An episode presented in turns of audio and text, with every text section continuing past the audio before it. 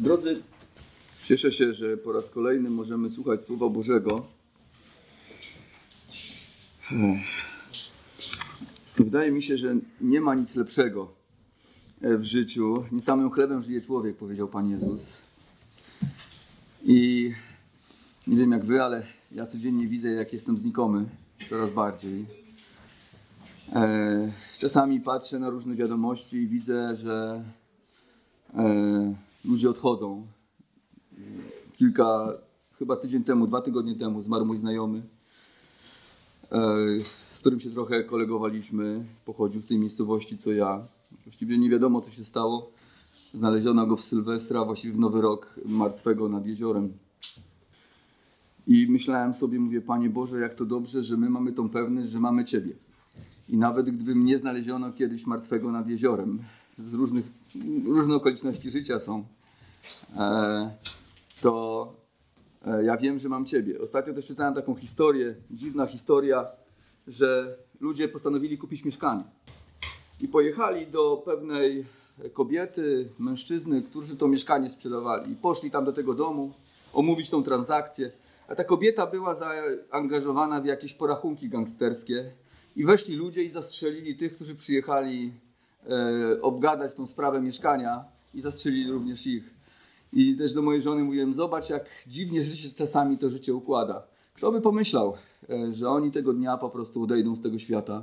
Przecież zamierzali kupić mieszkanie. E, I nie byli uwikłani w jakieś lewe interesy. Po prostu okoliczności życia tak się wydarzyły. I tak sobie pomyślałem, tylko Bóg może tym wszystkim rządzić. Tylko Bóg może po prostu trzymać w ręku nasze życie. Nie ma innego wytłumaczenia. I chciałbym dzisiaj, żebyśmy zobaczyli, jak Bóg trzymał w ręku życie Abrahama. E, to jest pierwsza księga Mojżeszowa. Jak go prowadził. Jak go prowadził. To jest 22 rozdział. Pierwszy, drugi wiersz.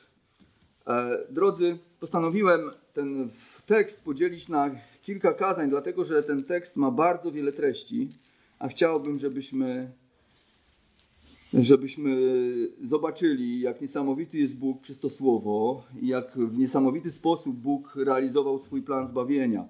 Przeczytajmy 22 rozdział, pierwszy i drugi wiersz. Po tych wydarzeniach wystawił Bóg Abrahama na próbę i rzekł do niego: Abrahamie, a on odpowiedział: Oto ja. I rzekł: Weź syna swego jedynaka, swego Izaaka, którego miłujesz, i udaj się do kraju Moria i złóż go tam w ofierze całopalnej na jednej z gór, o której ci powiem. Panie, pomóż mi zwiastować to słowo. Amen. Zazwyczaj większość z nas wie, że złoto bez próby lub o niskiej próbie jest mało warte. Myślę, że, że wiemy to. Najcenniejsze jest złoto najwyższej próby. Obecnie najwyższa próba to jest 999, czyli 99,99% zawartości złota w stopie metalu. Takie nie da się uzyskać stuprocentowego e, złota, to więc to jest obecnie najwyższa próba. Najtańszy kruszec zawiera oznaczenie 333 lub 375, co oznacza, że w danym stopie metalu jest 33,3% złota, ale złoto o takim symbolu jest mało warte. Jest mało trwałe, może zmieniać kolor. Biżuteria się zrywa, kruszy i utlenia. Więc raczej nie opłaca się inwestować pieniędzy w taką kiepską biżuterię. Jak będziesz myślał o tym, żeby kupić jakąś biżuterię, to nie kupuj tej 333. Kup może tą 7, 7 coś tam. Ale ta akurat yy, nie będziesz zadowolony z tego. Podobnie jest z wiarą, by okazała się cenna, musi być wypróbowana. I czym wyższa próba e, wiary, tym wiara jest cenniejsza. Możemy powiedzieć, że do najwyższej próby wiary doszedł Abraham. Dlatego w Słowie Bożym jest przedstawiony jako bohater wiary, z którego mamy brać przykład. Czytamy, że po wydarzeniach za Abimelechem, tutaj po tych wydarzeniach za Abimelechem, gdy Bóg zapewnił Abrahamowi bezpieczeństwo, Pan wystawił go na próbę. To nie było tak od razu, to nie było miesiąc po czy dwa miesiące. Prawdopodobnie minęło około 15 lat. To więc tak Biblia mówi po tych wydarzeniach, ale to już minęło wiele, wiele lat. Izaak ma około 20 lat, to nie jest jakiś mały chłopiec. Może czasami myślimy, że jak on tam prowadzi go, składa go w ofierze, to jest jakiś kilkuletni chłopiec. No nie, to jest dorosły mężczyzna, który już e, może myśleć samodzielnie, mógłby nawet samodzielnie swoje życie prowadzić. I Bóg nakazuje Abrahamowi, aby złożył Izaaka w ofierze. Takie działanie Boga może być dla nas dziwne. Przecież Bóg sprawił, że człowiek, którego Abraham się obawiał, przyszedł prosić go o gwarancję bezpieczeństwa. I po takim prowadzeniu Pana Boga raczej się spodziewamy od Niego jeszcze więcej błogosławieństw. Nie macie czasami czegoś takiego, że jak Bóg coś cudownego zrobił, to myślisz sobie, no teraz to może błogosławieństwa Bóg dla mnie otworzył i tylko będę zbierał te wszystkie błogosławieństwa i zbierał, i zbierał, i zbierał. Po prostu jakby taka passa. Ale Bóg ma swoje drogi. E, nie działa w taki sposób, jak my myślimy, bo Biblia mówi, że Jego drogi to nie nasze drogi, a myśli Boże to nie nasze myśli. Czytamy w księdze Izajasza 55:8. Tym bardziej historia ta o tym, że Bóg ma, że Abraham ma złożyć w ofierze Izaaka, szokuje nas, gdy dowiadujemy się, jakiej próbie został poddany Abraham. Czytamy, że Bóg kazał mu wziąć swego syna, którego bardzo kochał, i udać się z tym synem do kraju Moria i tam na jednej z gór. Miał złożyć go w ofierze całopalnej dla Boga. Trudno nawet nam sobie to wyobrazić, jak musiało być to ciężkie doświadczenie dla Abrama, bo niełatwo nam postawić się na jego miejscu. Raczej nikt z nas nie stoi przed koniecznością wyboru posłuszeństwo Bogu, a życie mojego dziecka. No nie wiem, czy ktoś z nas miał taki trudny, trudny wybór. Rzadko mamy takie trudne wybory, ale Abram miał. Jeszcze ciężej nam zrozumieć, jak miłosierny, dobry Bóg, ten, który jest miłością, mógł zażądać od Abrahama czegoś podobnego. Prawdopodobnie równie ciężko było to zrozumieć Abrahamowi, gdy otrzymał takie polecenie od Pana. Jeszcze inną przeszkodą, by utożsamić się z Abrahamem, mogą być duże różnice w kulturze, w jakiej żył on i w jakiej żyjemy my. W dzisiejszych czasach w naszym rejonie świata raczej nikt nie składa Bogu ofiar całopalnych z dzieci. Jednak w czasach Abrahama i tamtej kulturze była to praktyka dosyć powszechnie znana i stosowana pośród pogan i ludów kananejskich. Dlatego prawdopodobnie Abrahama to w jakiś sposób nie zdziwiło. Znaczy, na pewno oburzyło go gdzieś tam wewnątrz, ale, ale takie praktyki były znane. Tam, tam w tamtych rejonie tak się robiło. Ale w oczach Pana Boga, jak czytasz Stary Testament, to zobaczysz, że składanie ofiar z dzieci było uważane za obrzydliwe. Czytamy o tym w Księdze Kapłańskiej 18:21 oraz w Księdze Powtórzonego Prawa 12:31. Na przykład w Księdze Powtórzonego Prawa 12:30 i dalej czytamy tak. Strzeż się, abyś nie wpadł sidła za nimi po ich wytępieniu, po tych narodach sprzed oblicza Twego i abyś nie pytał o ich bogów, mówiąc, podobnie jak te narody służyły Twoim bogom, tak i ja uczynię. Nie uczynisz tak Panu, Bogu Twemu, gdyż czyniły one dla swoich bogów to wszystko, co jest obrzydliwością dla Pana i czego Pan nienawidzi, paląc dla nich w ogniu nawet swoich synów i nawet swoich córki. Czyli dla Boga to było obrzydliwe. Kiedy narody ościenne, kananejskie narody głównie, paliły dla Boga swoje dzieci i swoje córki. Czytając, czytając Stary Testament, to widzimy, że w Izraelu ciągle to się gdzieś tam pojawia, jak królowie nawet swoje e, dzieci oddają, żeby udobruchać jakieś bóstwo. Może nas zastanawiać, że skoro dla Boga ta praktyka była obrzydliwa, to dlaczego Bóg nakazał tak uczynić Abrahamowi? Wydaje mi się, że na próbę Abrahama z Izaakiem należy spojrzeć w następujący sposób musimy wiedzieć, że Pan od początku nie planował uśmiercenia Izaaka, miała być to jedynie próba. Bóg od początku nie chciał, żeby Izaak zmarł, żeby Izaak został spalony. Miała być to próba dla Abrama. Miał on również zobaczyć, że jego Bóg nie jest taki jak inni bogowie. Tamci z chęcią przyjmowali ofiary z dzieci, jakie im składano. Oczywiście nie oni, a demony, które stały za tymi fałszywymi bóstwami. Abraham zobaczył, że prawdziwy Bóg taki nie jest, bo ostatecznie zatrzymał prawda, yy, tą śmierć Izaaka. On nie żąda ofiar z ludzi, ale sam jest kochającym stwórcą i dawcą życia dla każdej istoty. Tak naprawdę jest tylko jedna ofiara z człowieka, która może mu się podobać.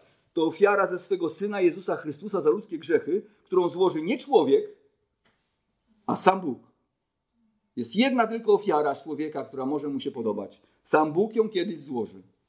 Abraham nie musi zabijać syna, bo Pan dał zastępcę.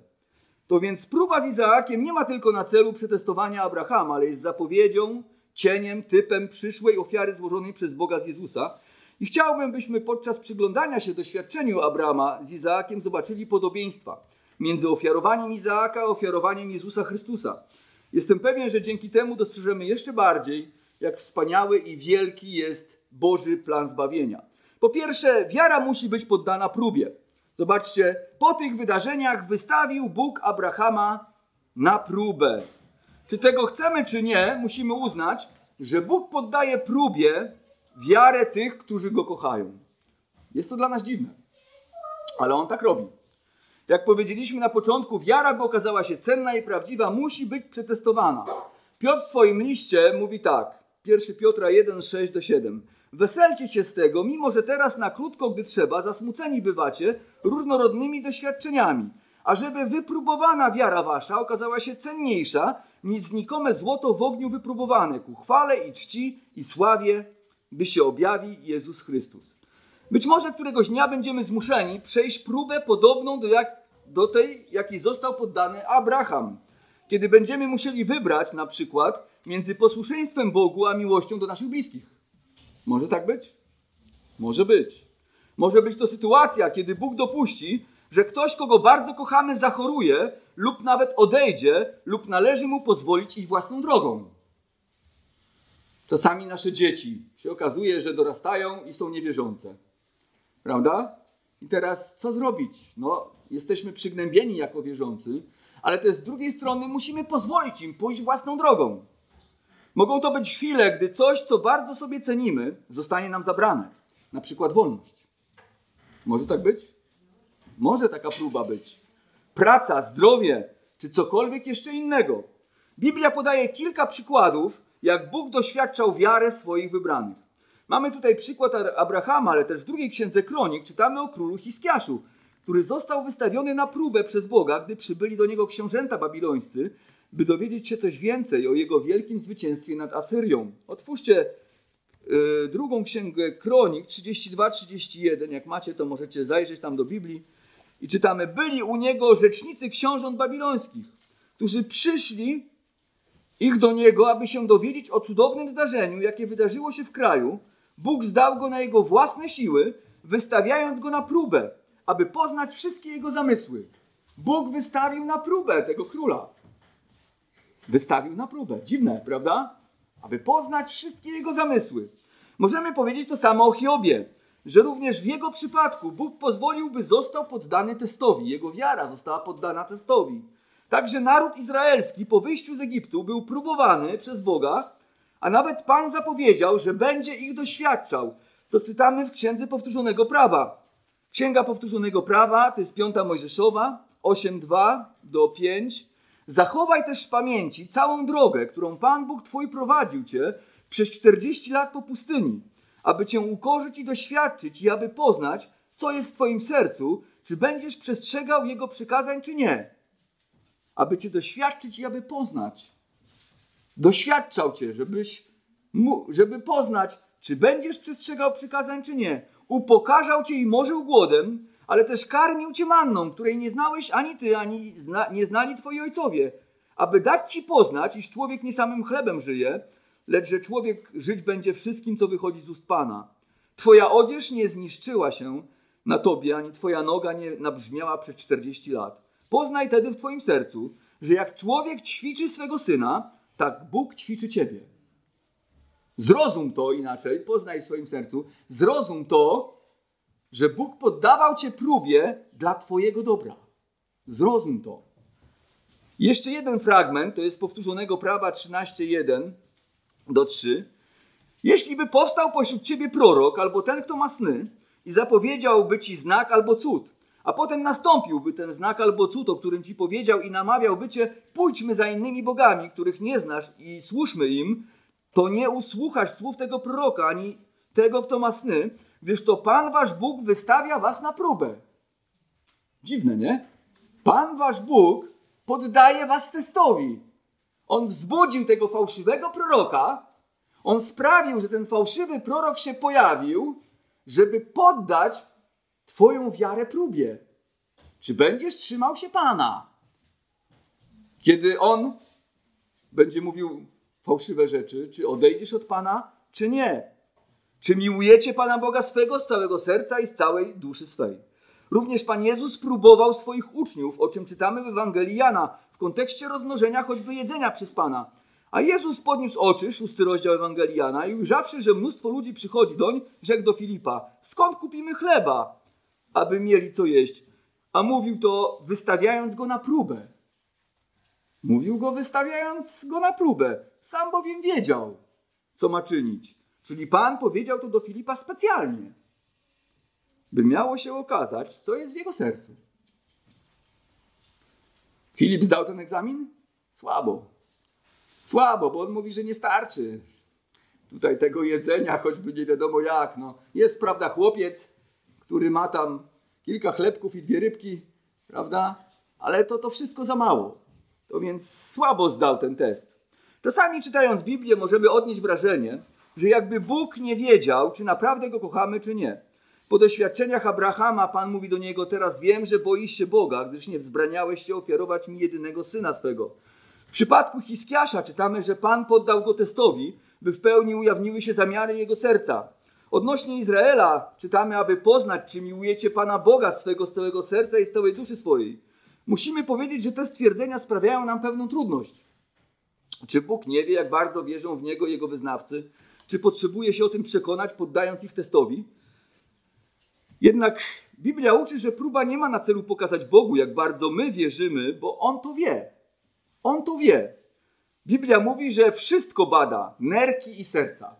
Nerki i serca, czyli zarówno nasze myśli, jak i motywacje. To nam, to nam jest potrzebne przetestować naszą wiarę, by okazało się, czy naprawdę wierzymy, czy jednak nasza wiara jest wydmuszką. Pustą deklaracją, za którą nie stoi nic poza słowami. Musimy to wiedzieć, by nie okazało się w dzień sądu, że moja wiara jest fałszywa. Gdyby moja wiara miała się okazać fałszywa, to chciałbym się dowiedzieć o tym dzisiaj, bo jeszcze mam szansę się nawrócić i coś zmienić, zanim umrę. Po mojej śmierci już nic nie będę mógł dodać do mojej wiary. Wtedy zostanie ona wypróbowana tylko przez ogień Bożego Sądu. Ale już nie mogę jej nabyć. Gdyby okazała się podrobioną wiarą, byłbym w strasznych opałach, bo zostałbym potępiony. To więc tylko mogę dziękować Bogu, że poddaje mnie dzisiaj próbie, żebym ja sam wiedział, czy moja wiara jest prawdziwa, czy nie. Mamy tendencję się niestety oszukiwać. Wiemy o tym. Powinniśmy znać również siłę naszej wiary. Nie jest nam łatwo ocenić, w jakim miejscu wiary jesteśmy. Piotr myślał, że ma tak wielką wiarę, iż gotowy jest pójść na śmierć z Chrystusem, a później się go zaparł. Pewnie znamy bardzo dobrze tą historię. Powiedzmy, że gdy pokonujemy jakąś odległość drogi, to wiadomo, ile przejechaliśmy i ile jeszcze nam zostało. Prawda? Jeździmy czasami w dalsze trasy. To wiemy, no tam ustawiamy sobie GPS-a, nawet GPS nam mówi, że tyle i tyle jeszcze do celu. Gdy uczymy się na egzamin, musimy opanować jakiś materiał, to przez sprawdzenie możemy ocenić, co już umiemy, a czego jeszcze nie. Ale z wiarą nie jest tak łatwo. Jednak to, jak przechodzimy próby, pokazuje, czego naszej wierze jeszcze brakuje i jaka jest jej siła. Kiedy przechodzimy próbę, może w tej chwili, i złościmy się na Boga, ulegając zwątpieniu, narzekając na Pana, martwiąc się przez cały czas, to mamy informację, że nasza wiara jest słaba i należy ją wzmocnić. Jeśli tak jest w Twoim życiu i martwisz się, ciągle zamartwiasz się, jak to będzie, co się wydarzy dalej, wyklinasz gdzieś na Boga może w swoim pokoju, w swoim zaciszu, w swoim sercu, masz do Niego pretensje, to znaczy, że powinieneś wzmocnić swoją wiarę. To znaczy, że Twoja wiara jest słaba. Abraham nigdy nie dowiedziałby się, jak bardzo kocha Boga, gdyby nie musiał poświęcić Izaaka. I my również nie dowiedzielibyśmy się, jak bardzo wierzył Abraham i dlaczego możemy go nazywać ojcem naszej wiary, gdyby Bóg nie poddał go próbie. Dziś przez historię z Izaakiem widzimy, że Abraham osiągnął szczyt wiary. Doszedł do dojrzałości. Był gotowy oddać dla Boga wszystko, nawet własnego ukochanego syna. To więc mamy próby, byśmy mogli ocenić, czego nam jeszcze brakuje. A jeśli czegoś brakuje, to uzupełnić braki. Dziękować Bogu. Jeśli Bóg pokazuje, że czegoś brakuje, to uzupełnić. Niestety część chrześcijan nie wyciąga zbyt wielu wniosków z własnych prób. Jest to dla mnie często smutne. Po prostu ciągle te same rzeczy, ciągle te same problemy. A Bóg pokazuje, że coś trzeba w życiu zmienić. Jeśli masz ciągle te same problemy z wiarą i z wątpieniami, coś trzeba zmienić. Jest jeszcze jeden cel testu, że wiara rozwija się przez doświadczenia. Piotr powiedział, że przez próby staje się ona cenniejsza niż znikome złoto w ogniu wypróbowane. Jakub mówi w pierwszym rozdziale swego listu, że doświadczenie wiary sprawia wytrwałość. Abraham doszedł na szczyt przez różne doświadczenia, które przychodził w trakcie drogi. Musiał zostawić rodzinę, oczekiwał długo na upragnionego syna, popadał w tarapaty, kłamiąc, że Sara jest jego siostrą, wdał się w wojnę, ratując Lota, musiał odprawić Ismaela, a to, co wprowadziło go na samą górę, to doświadczenie z Izaakiem. Bez tej próby nie stałby się bohaterem wiary.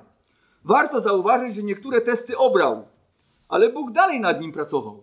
Myślę, że też tak będzie w naszym życiu. Niektóre testy po prostu oblejemy, ale Bóg z nas nie rezygnuje. Podnosi nas, zachęca, abyśmy szli dalej, aby nasza wiara mogła się rozwijać.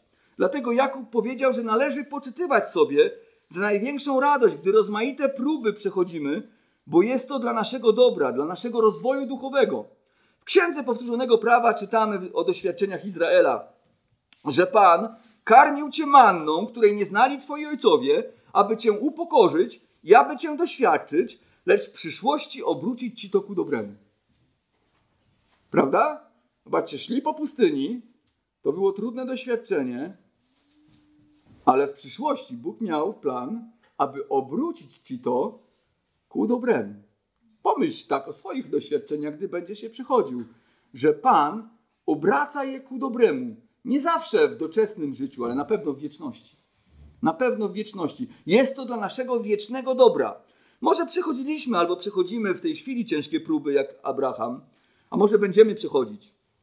Pamiętajmy, że one są w tym celu, by na, nie, nie żeby nas pognębić, ale służą dla wiecznego dobra, by wzmocnić moją i Twoją wiarę i wskazać na jej braki.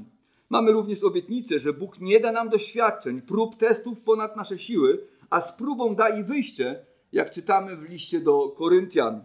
Koryntian 10:13. Dotąd nie przyszło na was pokuszenie, które by przekraczało siły ludzkie, lecz Bóg jest wierny i nie dopuści, abyście byli kuszeni ponad siły wasze, ale z pokuszeniem da i wyjście, abyście je mogli znieść.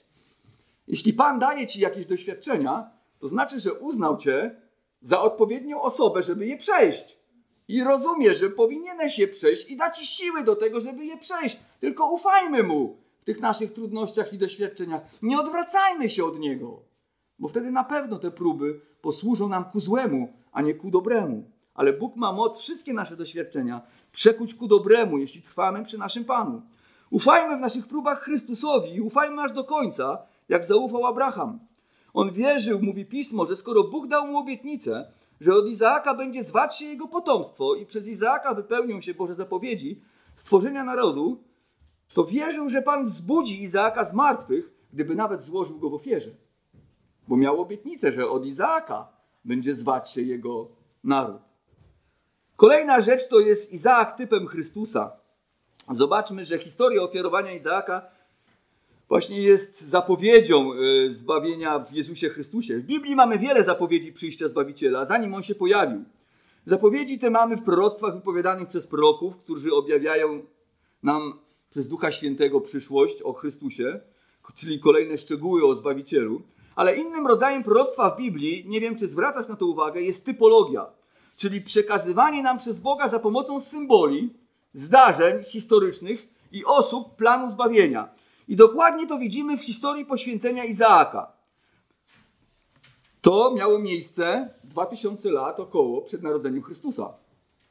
To więc to nie było tak, że to zaraz Jezus się urodził. 2000 lat minęło od tego wydarzenia yy, i Jezus się dopiero urodził. W miarę poznawania tekstu o ofiarowaniu będziemy widzieli coraz więcej podobieństw między historią Izaaka a ofiarą Chrystusa. W ten sposób Bóg objawia nam tajemnicę swego zbawczego planu.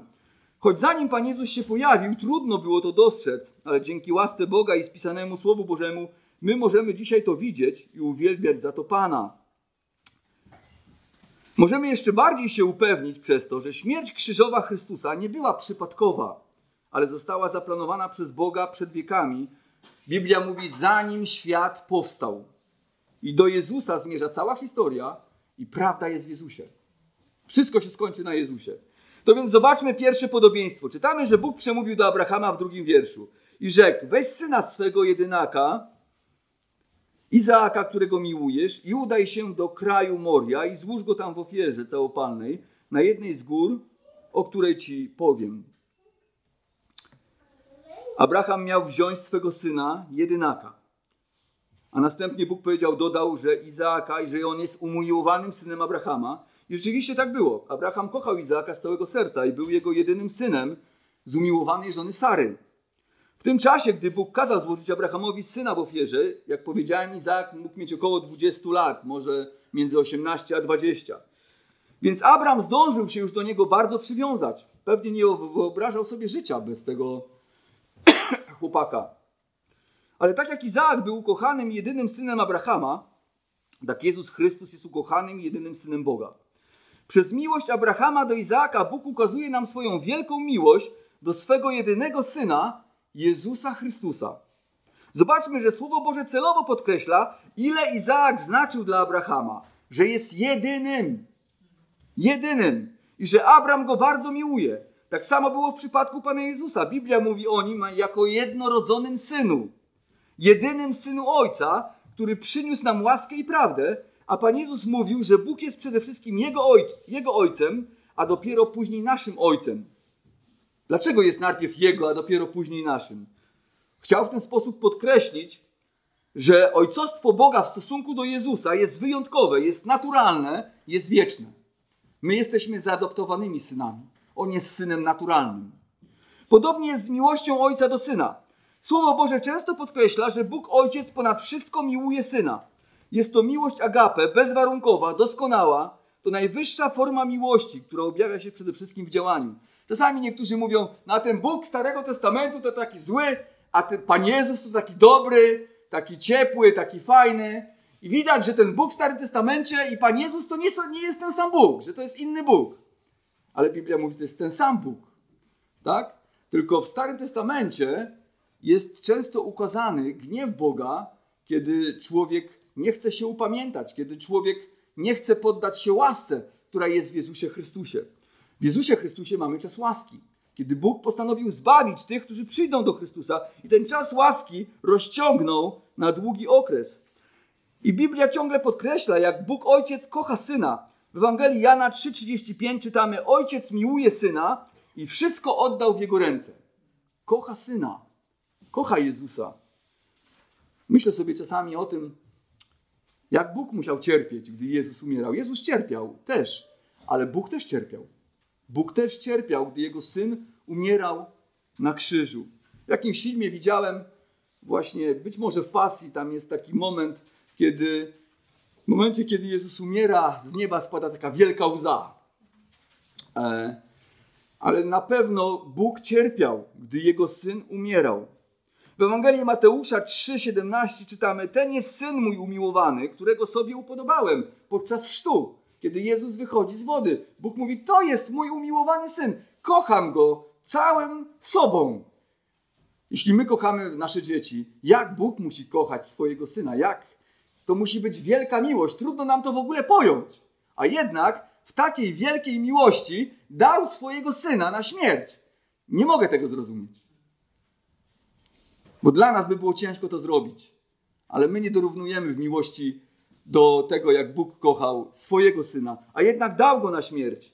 Ewangelia Jana, piąty rozdział czytamy: Ojciec bowiem miłuje syna i ukazuje mu wszystko, co sam czyni, i ukaże mu jeszcze większe dzieła niż te, abyście się dziwili. Ojciec bowiem miłuje syna. 17 rozdział, jest bardzo wiele fragmentów w 17 rozdziale. Jezus tam mówi: że ja dałem im chwałę, którą mi dałeś, aby byli jedno, jak my jedno jesteśmy, ja w nich, a ty we mnie, aby byli doskonali w jedności, żeby świat poznał, że ty mnie posłałeś, że ich umiłowałeś, jak i mnie umiłowałeś, mówi. A w 24 mówi, Ojcze, chcę, aby ci, których mi dałeś, byli ze mną, gdzie ja jestem, aby oglądali chwałę moją, którą mi dałeś, gdyż umiłowałeś mnie przed założeniem świata. Bóg umiłował Syna w wieczności zawsze kochał syna. Nie było chwili, kiedy Bóg nie kochał swego syna. Jezus mówi dalej: Objawiłem im imię Twoje i objawię, aby miłość, którą mnie umiłowałeś, w nich była i ja w nich. Miłość Abrahama do syna jest zapowiedzią, jak Bóg pośle swego umiłowanego syna, syna jedynaka, którego kochał w wieczności i powierzchność, by zapłacił on za nasze grzechy na krzyżu Golgoty. Teraz w tym kontekście zobaczmy, jak Bóg prowadził życie Abrahama, by ta wielka miłość Abrama do syna mogła zaistnieć. Bóg celowo odwlekał narodzenie Izaaka, by oczekiwanie Abrahama i później uczucie, jakim będzie darzył Izaaka, mogło najlepiej przypominać miłość Boga do Chrystusa. Gdyby Abraham miał kilkoro dzieci, na pewno by tak nie kochał po prostu Izaaka. Ale to był jedyny syn. Jedyny syn. Ja oczywiście wszystkie swoje dzieci kocham i są naprawdę wspaniałe i kochane, ale tą miłość muszę dzielić na wszystkie dzieci, prawda? Ale to był jedyny syn. E, ten może ktoś bardziej będzie można zrozumieć komuś, to był jedynakiem. Prawda? Jak ktoś był jedynakiem, to wie, jak troskliwi rodzice chuchają, dmuchają, opiekują się, prawda, żeby tylko e, wszystko ta osoba miała. Bo to jest umiłowany syn, Izaak. Oczywiście Abraham nigdy nie kochał tak Izaaka, jak Bóg kocha Jezusa. Ale mam, mam nadzieję, że wyraźnie widzimy te analogie, których jest znacznie więcej i przyjrzymy się im w kolejnych kazaniach. I ostatnia rzecz w naszym fragmencie to jest Moria jako miejsce ofiary Chrystusa. E, może Was to zdziwi, ale zobaczmy, że e, tutaj czytamy, że miał wziąć swego syna jedynaka, Izaaka, którego miłujesz, i udać się do kraju Moria i złożyć go tam w ofierze całopalnej na jednej z gór, o której Ci powiem. Bóg kazał iść Abrahamowi złożyć w ofierze całopalnej Izaaka w dalekim kraju, tam na jedną z gór, którą miał mu wskazać.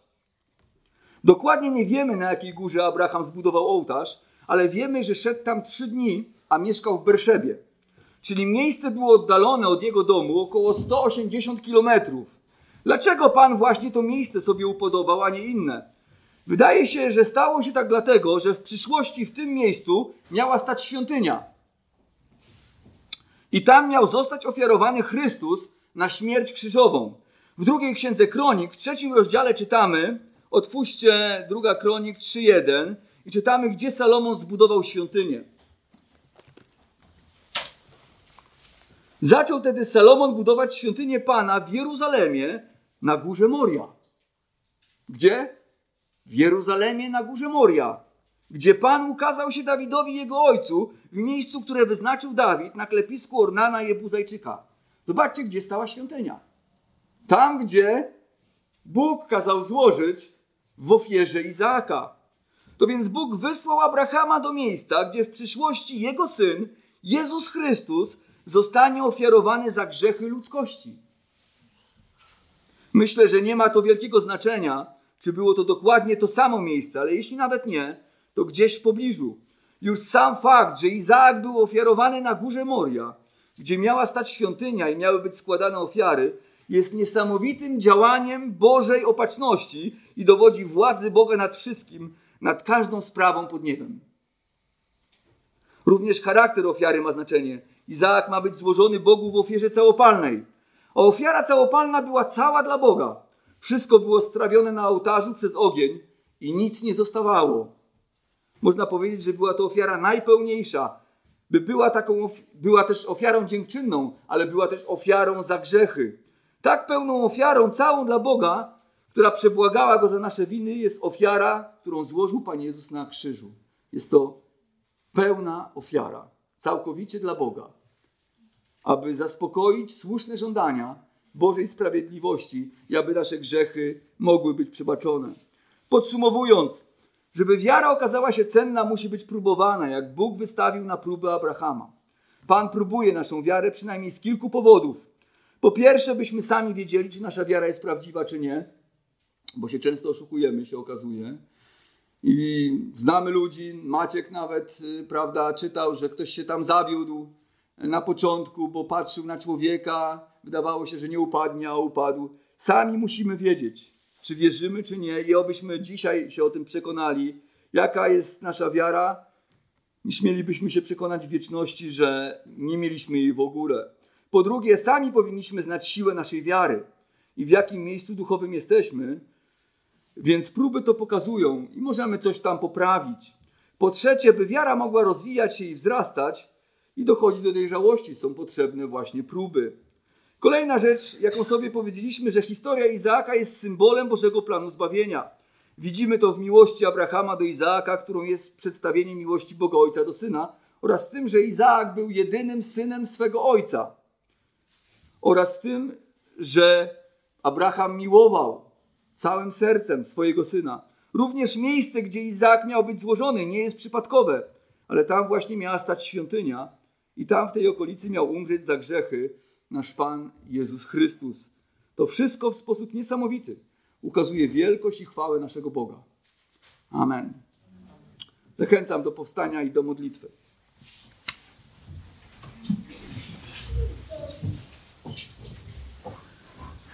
Panie, bardzo dziękujemy Tobie za Twoje słowo, które jest żywe, które jest prawdziwe, które niesie nam tak wiele treści.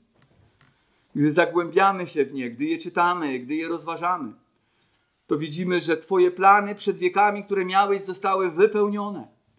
I Ty mówiłeś o tych planach na różny sposób, czy to przez proroków, czy to przez symbole, o których my dzisiaj czytamy. Panie, widzimy, jak jesteś niesamowity i widzimy też, że czasami nas próbujesz, ale wiemy, że to jest dla naszego dobra. Nie dlatego, żeby nas pognębić, nie dlatego, żeby nas złamać, ale po to, żeby pokazać, w jakim miejscu duchowym jesteśmy.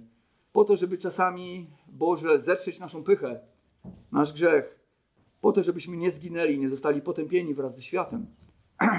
Panie, proszę Cię, że gdy będziesz próbował moją wiarę i wiarę moich braci i sióstr, abyśmy mieli na tyle mądrości i na tyle pokory, żeby nie buntować się i uchwycić się Ciebie. Amen.